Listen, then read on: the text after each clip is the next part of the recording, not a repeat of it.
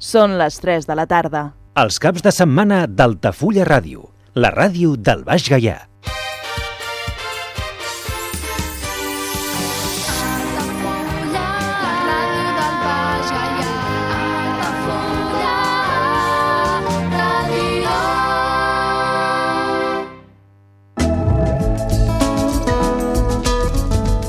L'agenda Altafulla Ràdio.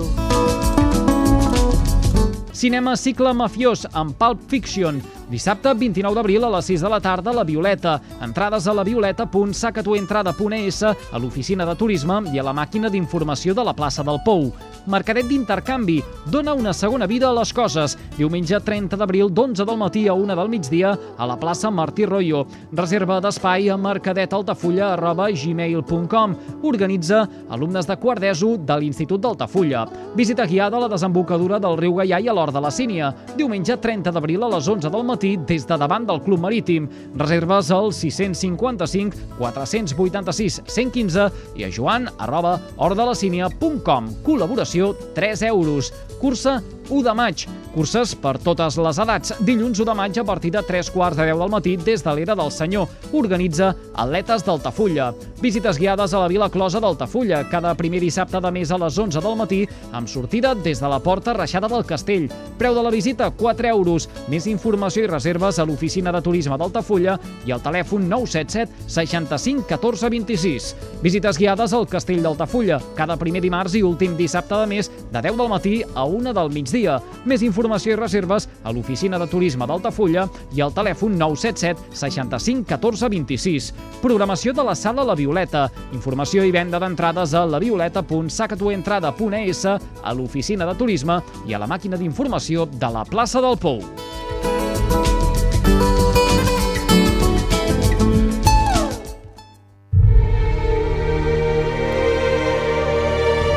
Parlem d'aquell cinema Cinema clàssic a Altafulla Ràdio, amb Andrés de Andrés. on la música de cinema és el fil conductor. Cada cap de setmana a Altafulla Ràdio parlem d'aquell cinema Benvinguts a l'espai radiofònic Parlem d'aquell cinema. Andrés i Andrés, un servidor de vostès, presenta aquest espai. Es tracta precisament d'això, de parlar del cinema, de tot el que sí respecte al cinema. Obres de teatre passades al cinema, directors, eh, actors, gent que passava pel carrer, qualsevol cosa que estigui relacionada amb el cinema. Avui vull parlar d'una obra que s'ha fet moltíssim en teatre, que ha tingut un gran èxit i que també s'ha passat al cinema. L'obra és Porgy i Bess. En anglès és Porgy and Bess. És una òpera amb tres actes, amb música de George Gershwin i el llibret en anglès de Ira Gershwin, germà de George Gershwin, i de Dubos Hayward. Està basat en la novel·la Porgy de Hayward i amb la peça de teatre del mateix nom, coescrita amb la seva dona Dorothy. Les tres obres traten sobre l'estil de vida dels estadounidencs negres de la fictícia Calle Bagley, Cathy Rome, a Charleston, Carolina del Sur, i això passa a principis de la dècada de 1930. En principi, va ser concebuda com una òpera folclòrica dels Estats Units. La primera versió de l'òpera, que durava 4 hores, eh, tenia en fi, dos intermitjos. Va ser interpretada privadament amb una versió de concert amb el Carnegie Hall a la tardor de 1935. Es va triar com el seu directora coral, Eva Jersey, qui també va dirigir amb el seu propi renombrat cor. A l'estrena mundial amb escena va tindre lloc amb el Colonial Theatre de Boston el 30 de setembre de 1935. A l'ensaig per una obra que es pretenia inicialment per Broadway, a la inauguració va tindre lloc després amb l'Alvin Theatre de la ciutat de Nova York i va ser el 10 d'octubre de 1935. Durant els ensajos a Boston, Gershwin va fer molts talls i va refinar l'obra per abreviar la seva duració i donar-li més fortalesa a l'acció dramàtica. amb Broadway va arribar a les 124 representacions. La producció i direcció es van confiar a Ruben Momulai, qui prèviament havia dirigit les produccions de Broadway de l'obra teatral de Hayward Porgy. El director musical va ser Alexander Smalians. Va fer servir un repartiment conformat exclusivament per cantants negres com preparació amb música clàssica, una aventurada i visionària visió artística pel temps que corrien en aquella època. Es va portar una gran riquesa d'idiomes del blues i del jazz a l'òpera. Wersing la considerava la seva millor obra, però no va ser acceptada als Estats Units com una autèntica òpera fins que va arribar l'any 1976, quan la Houston Grand Opera va produir la partitura completa. El seu estreno amb la Metropolitan Opera en 1985, en Grace Bumbry i Simon Estes, va constituir un triomf artístic enorme. Amb l'actualitat és considerada part del repertori d'òpera estàndard, encara que no està entre les més representades. Porgy and Bess també es presenta internacionalment i s'han realitzat diverses gravacions de l'obra. En les estadístiques d'òpera base apareix com el número 68 de les 100 òperes més representades amb el temps de 2005 a 2010, sent la primera amb els Estats Units i la primera de Wersing amb 56 representacions. A pesar del seu èxit, segueix causant controvèrsia. O sigui, hi ha qui diu que sí, hi ha qui diu que no. I això és degut a la que es considera com una pel·lícula o una obra o una òpera racista al reflexar estereotips dels negres nord-americans. A l'àrea Summertime és amb molt la peça més divulgada de l'obra, però existeixen innumerables gravacions a interpretacions en viu per diversos artistes, com per exemple les molt destacades de Louis Armstrong i la Fitzgerald. Aquesta òpera és admirada per una síntesi innovadora de les tècniques orquestrals europees amb les expressions idiomàtiques del jazz i la música folk americans aconseguides per Wersing. Anem a sentir la primera peça musical d'aquesta gran obra, que és precisament la eh, anomenada eh, que és Verano, i això correspon a la introducció de l'obra. Tenim, doncs, endavant la primera peça, o sigui, entrem amb l'obra de Porgy and Bess.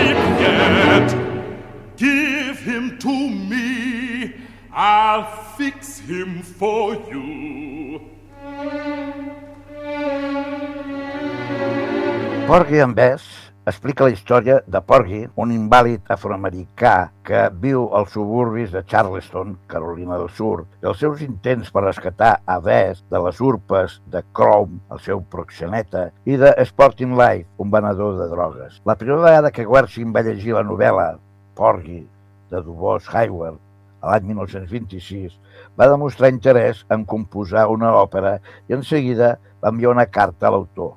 Encara que les reunions inicials van ser prometedores, Werfing no tenia pressa i el que va portar aviat a Hayward a realitzar una versió dramatitzada de la seva novel·la en col·laboració de la seva dona Dorothy i que es va estrenar com a obra de teatre a l'any 1927. Després d'aquest estreno, l'obra va despertar l'interès de Al Johnson. Al Johnson va ser un gran actor i cantant americà que es va pintar la cara de negre per fer aquella pel·lícula, la primera pel·lícula sonora que es, es diu que hi ha. Uh, i, I Al Johnson pretenia col·laborar junt amb Jeremy Kerr i Oscar Hammerstein II per crear un musical a partir d'aquesta obra. Al Johnson interpretaria el paper principal i amb la cara pintada, però l'entusiasme inicial pel musical proposat aviat va anar avall. Poc després, tant George Wersing com el seu germà Ida es van ajuntar amb Hayward a Charleston per donar forma a l'òpera amb la que Wersing havia estat mm, pensant durant tot aquest temps. L'argument realment és el següent.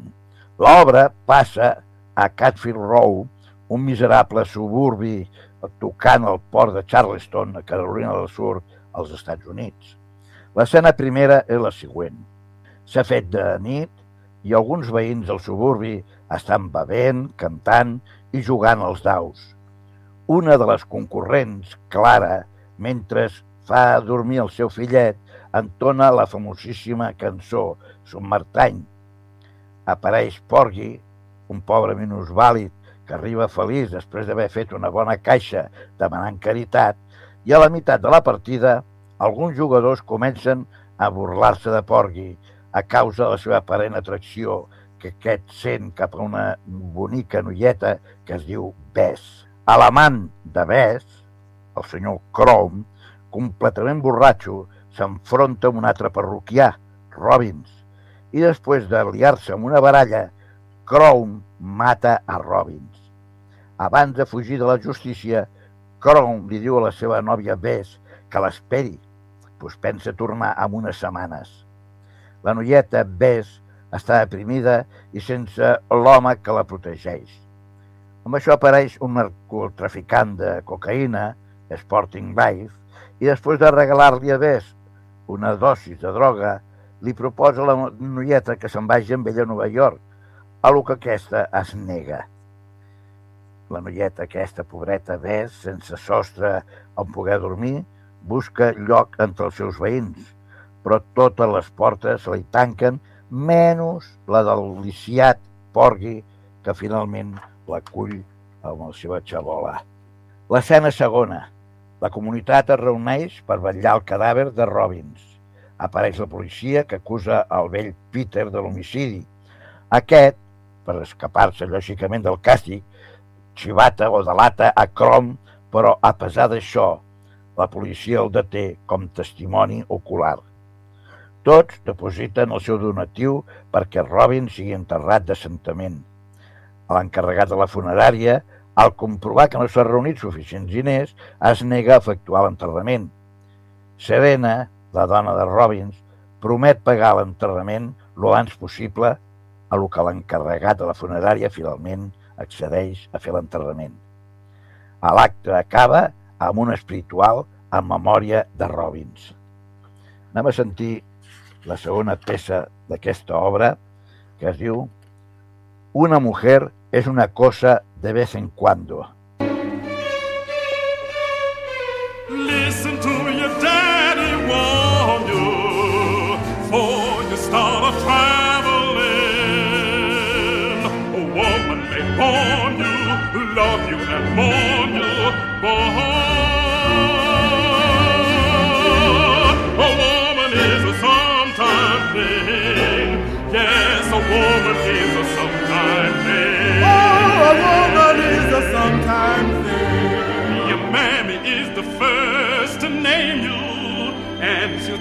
To her apron string. Then she'll shame you and she'll blame you till your woman comes to claim you.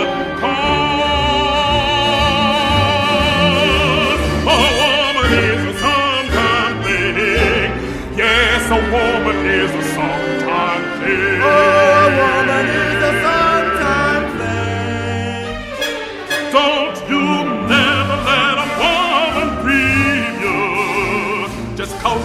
got your wedding ring. She love you and deceive you, then she'll take your clothes and leave you. Cause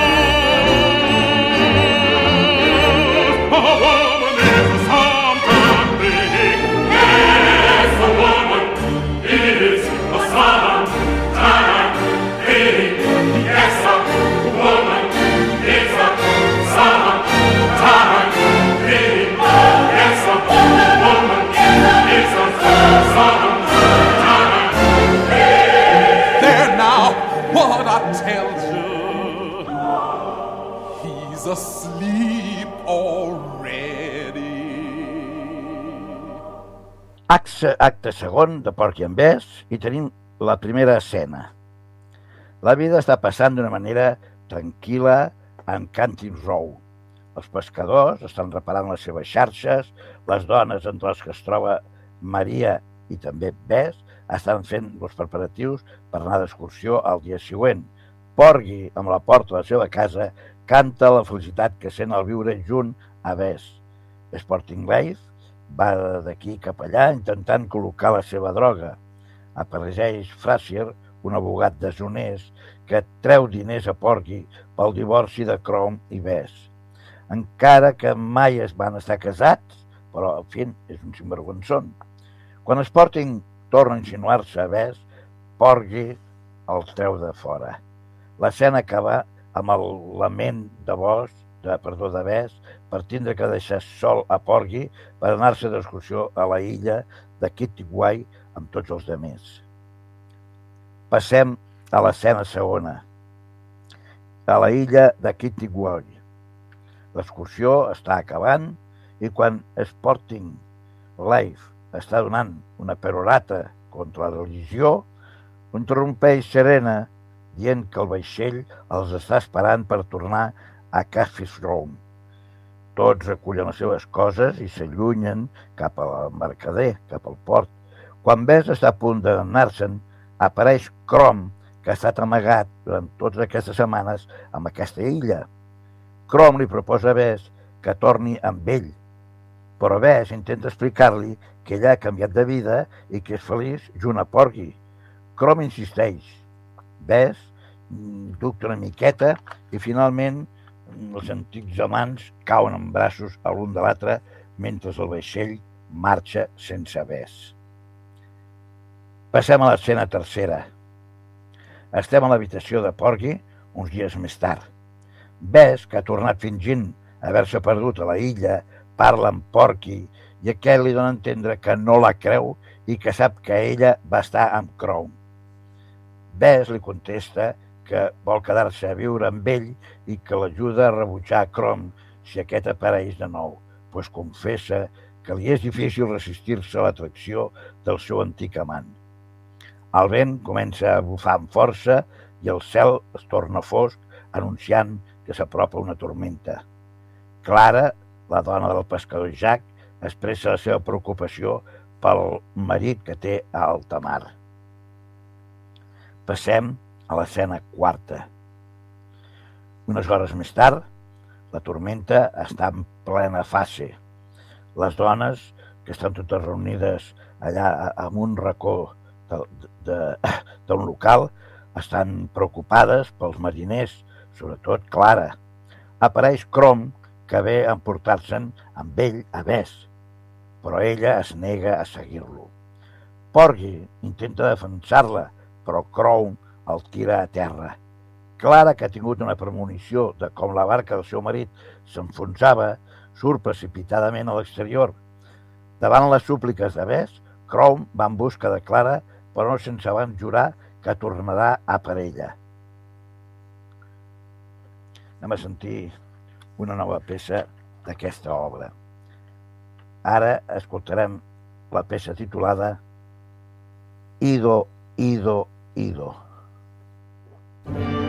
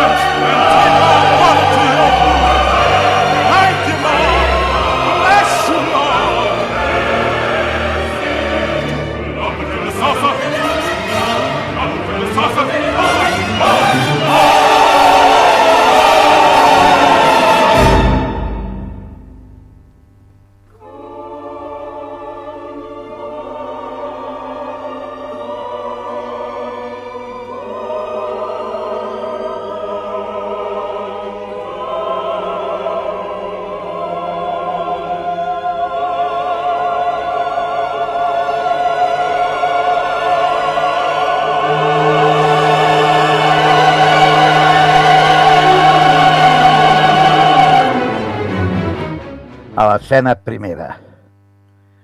És de nit del dia següent de lo que hem explicat.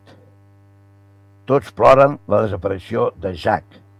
Clara i Crom, els que els, don, els donen per desapareguts, Bess, que porta amb els seus braços el bebè de Clara, li canta un marteny per dormir-lo. Sporting Life, cínicament, parla dels dos homes de Bess.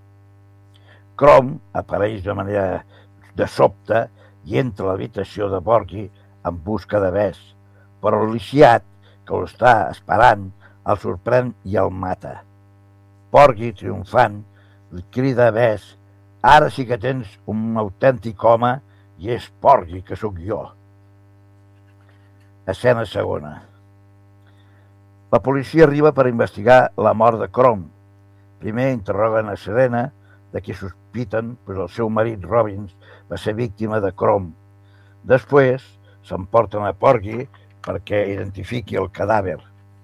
Apareix Sporting Life i convenç a Bess de que Porgy serà condemnat a cadena perpètua i li ofereix droga i li torna a proposar anar-se amb ell a Nova York, a lo que Bess accedeix. Escena tercera. Una setmana més tard, torna Porgy, que ha sigut posat en llibertat pels policies, i busca per totes parts a Bess i tots els seus companys o, o, fins l'esquiven, fins que Serena i Maria s'atreveixen a dir-li que Bess s'ha anat amb el traficant de cocaïna. Porgy, lluny de quedar-se covardit, pregunta en quina direcció queda Nova York i ple d'esperança emprèn el camí en busca de la seva Bess. bueno, això és més o menys el que és l'obra. Llavors tenim, per exemple, la pel·lícula, la pel·lícula que va ser feta per Sidney Pontier com Porgy, però ell no canta, canta, va cantar Robert McFerrin. Després tenim Dorothy Dandridge com Bess, que qui cantava realment era Adley Addison. Després tenim a Sammy Davis Jr. com Sporting Life, Perla Bailey com Maria, Brooke Peters com Corona, Diana Carroll com Clara, Leslie Scott com Jack el Pescador, Ruth Hathaway com Serena Robbins, Cloud Atkins com el detectiu, Clarence Muse com Peter, Everdeen Wilson fa paper Annie, Joel Frelin com Robbins, El Jackson és Mingo, Moses Lamar com Nelson, Margaret Aison com Lily, Ivan Dixon com Jean, Antoni Durosseux com Scipio, Ellen Tirgen fa el paper de Stanberry Woman, Winsett Thompson com el ballet, Will Walker com a enterrador, Roy Glenn com Fresier i Maurice Manson com el forens. Amb la mort en la vida real de Diana Carroll el 4 d'octubre de 2019, només quedava Sidney Poitier, l'únic membre de tota l'obra que estava viu del repartiment. Però Sidney Poitier va morir a Los Angeles, Califòrnia, el 6 de gener del 2022 a l'edat de 95 anys. Anem a sentir una altra peça d'aquesta obra. Ara, mi hombre se ha ido.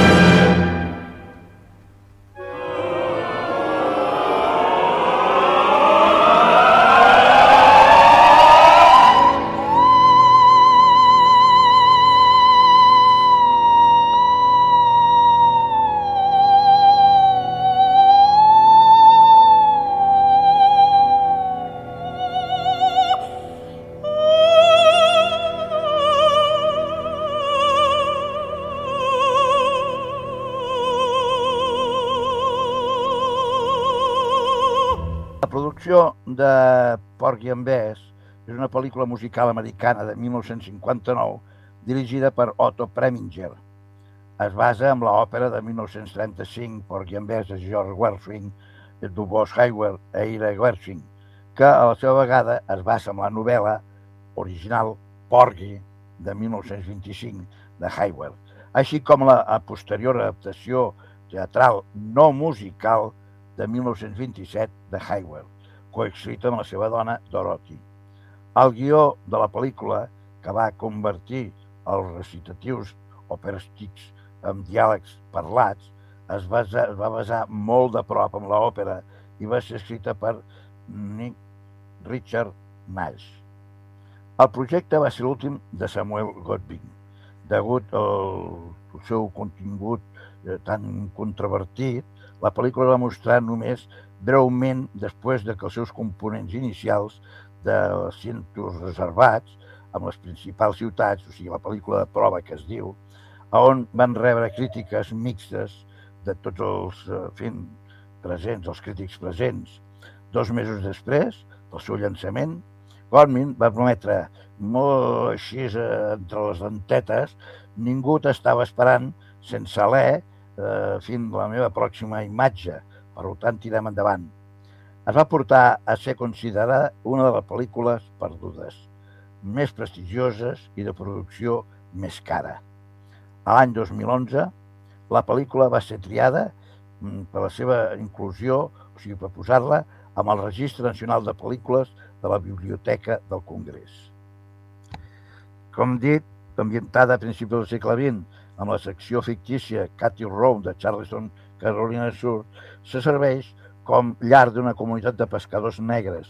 La història que se centra en els personatges del títol, el, el, el captaire iliciat Porgy, que viatja amb un carro tirat per cabres, i Bess, addicte a les drogues, que viu amb el seu estibador Chrome, el matón del barri, el matón local, mentre està drogat amb cocaïna subministrada per Sporting Life. Chrome mata a Robin després d'aquest eh, fent el derrotés amb un joc de daus. Bueno, tot això estem ampliant una miqueta més, però el que ja hem dit abans. Bess intenta Crow a fugir. Sporting Life suggereix que l'acompanyi a la ciutat de Nova York, una oferta que Bess rebutja. Busca refugi amb els seus veïns, que li neguen ajudar-la, i ja hem sapigut que Porgy és finalment qui l'accepta perquè es quedi amb ell. Llavors eh, s'instal·len junts amb la vida domèstica i aviat s'enamoren just abans d'un pícnic amb la iglesia amb una illa, Kitty Watt, i Sporting Life una vegada més s'apropa a Bess, però Porky l'adverteix que la deixi en pau. Bess desitja quedar-se amb Porky, ja que no pot assistir al pícnic degut a una discapacitat. O sigui, ell es queda, però ella se'n va. Però l'insta a que vagi. Una vegada que acaba el pícnic i abans que Bess pugui anar-se'n, Crown apareix de cop i volta amb ella perquè s'ha amagat durant tot aquest temps amb el bosc de la illa. S'enfrenta amb ella. Ella inicialment lluita per resistir-se amb ell, però Crown la viola. Els altres, sense saber exactament què ha passat, se'n van i tornen al continent. Dos dies després, Bess torna a Canning Row amb un estat de deliri. Quan el recupera, recorda el que va passar i sent que va tensionar a Porgy i demana perdó. Ell admet que no pot resistir-se a Crom i demana a Porgy que la protegeixi d'ell. Crom finalment torna per reclamar la seva dona i quan treu un gabinet, Porgy l'estrangula. La policia el deté simplement per identificar el cos, però Sporting Life, que ha alimentat a Bess amb cocaïna, la convenç de que Porky inadvertidament es revelarà a si mateix com a l'assassí.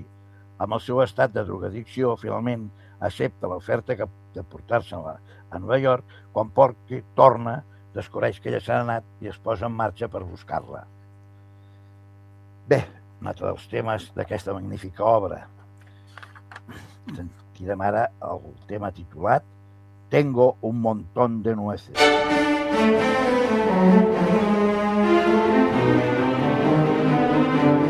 Oh,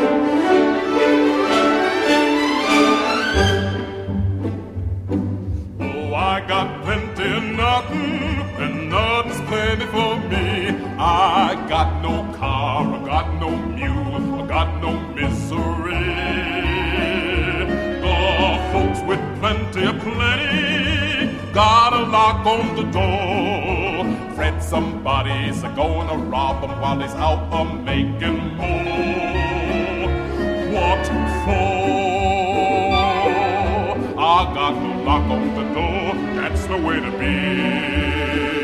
They can steal the rug from my floor. That's okay with me, cause the things that I prize, like the stars in the skies, are all free. Oh, I got plenty of nothing, and nothing's plenty for me. I got my gal, I got my song, got heaven the whole day long. There's no use complaining. Got my gal, got my lord, got my song. The woman come to live with me. He ain't cross with children no more,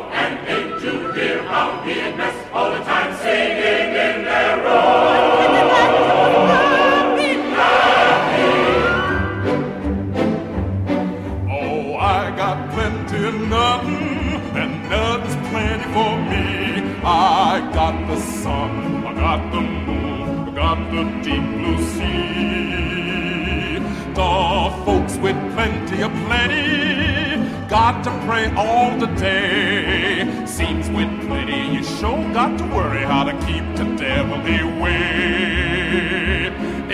Away. I ain't a fretting about hell till the time arrives. Never worry long as I'm well. Never want to strive to be good, to be bad. What the hell? I's glad I was alive. Oh, I got plenty of nothing, and nothing's plenty for me. Got my got my got. There's no use. Got my got my got my song.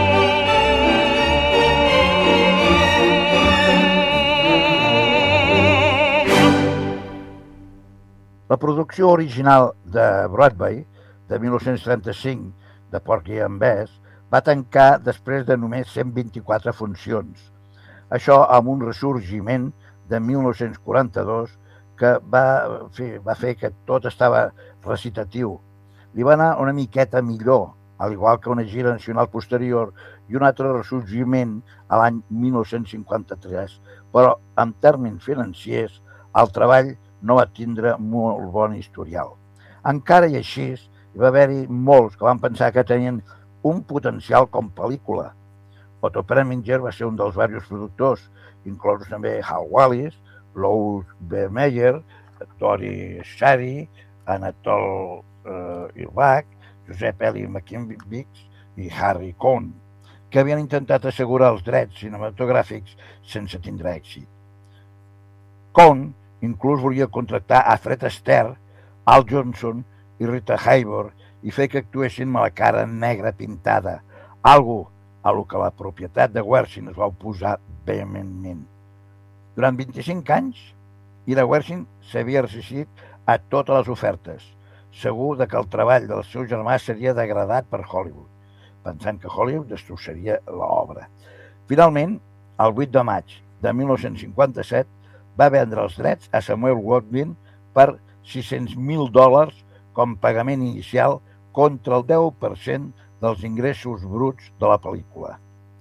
Quan Lanson Hawks, la primera opció de Goldwyn com guionista, va resultar no estar disposat, el productor se li va apropar a Paul Osborne, després Francis Goodwin i Albert Hatchett, Sidney Kingsley, Jeremy Lawrence i Robert Egley, Clifton Court i Roy Stertz. Sentirem un altre tema de, de l'obra, en aquest cas és l'última d'avui, Ves, eres mi mujer. I amb aquest tema trenquem l'espai d'avui. Andrés i Andrés, els agraeix l'atenció prestada i esperem que segueixin la continuïtat d'aquesta obra tan aviat sigui possible. Moltes gràcies per la seva atenció.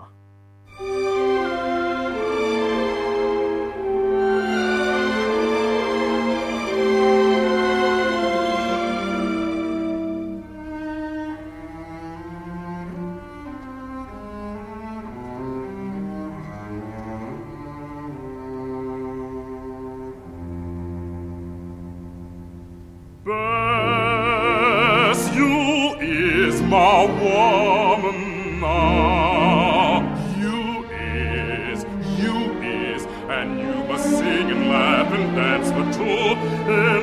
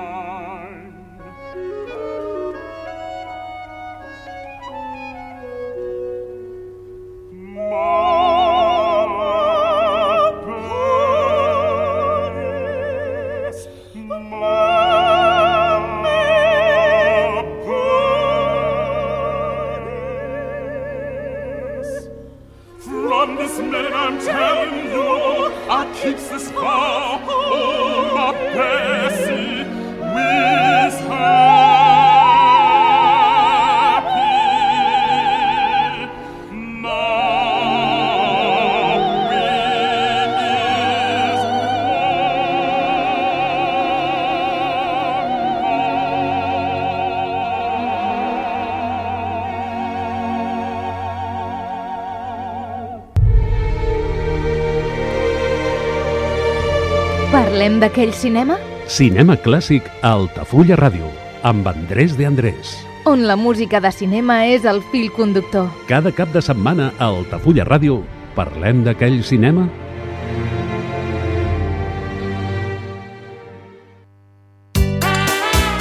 Aquamare Group inaugura un nou restaurant mexicà a Altafulla, el Tic Taco. Tic Taco és una proposta ideal per descobrir l'essència dels millors tacos i una cuina mexicana fresca i informal. El trobaràs a la via Augusta número 13, al costat del restaurant japonès Suko. Reserves al 977 65 11 55. Tic Taco, la joia de la gastronomia mexicana, al costat de casa.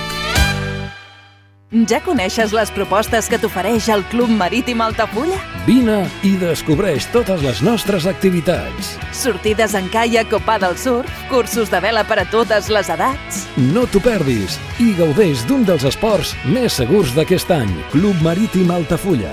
Obert tot l'any i per a tothom.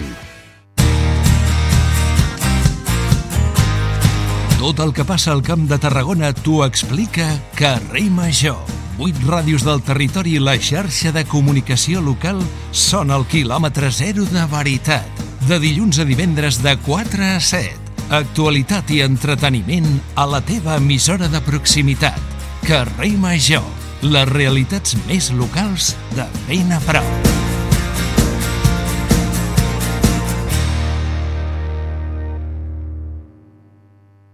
I si he dut bon aliment amb el blat que hi ha a la barca, també he dut aquest tresor. El ball parlat del Sant Crist de Salomó. Mostra de teatre medieval català, declarat d'interès nacional per la Generalitat de Catalunya. Representacions els quatre primers diumenges de maig. 675 84 58 61 i valldelsancrist.cat.